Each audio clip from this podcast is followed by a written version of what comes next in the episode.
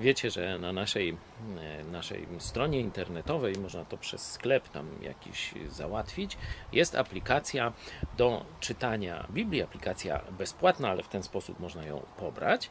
E, I tam mm, zaczęliśmy taki projekt mm, od pierwszej księgi Biblii, takiego codziennego, krótkiego rozważania Biblii. Przygotowując to, natrafiłem na bardzo ciekawy werset. Pierwsza księga mm, Mojżeszowa, 24 rozdział. E, Tam Izaak wyszedł na pole, aby się modlić e, i znajduje się przy pewnej studni. I chciałem wam pokazać, to jest werset 62, jak ta studnia została przez współczesnych, tych właśnie potomków Abrahama, nazwana.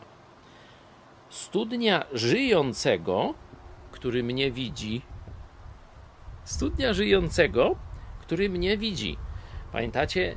JHWH. Jestem, który jestem. To jest.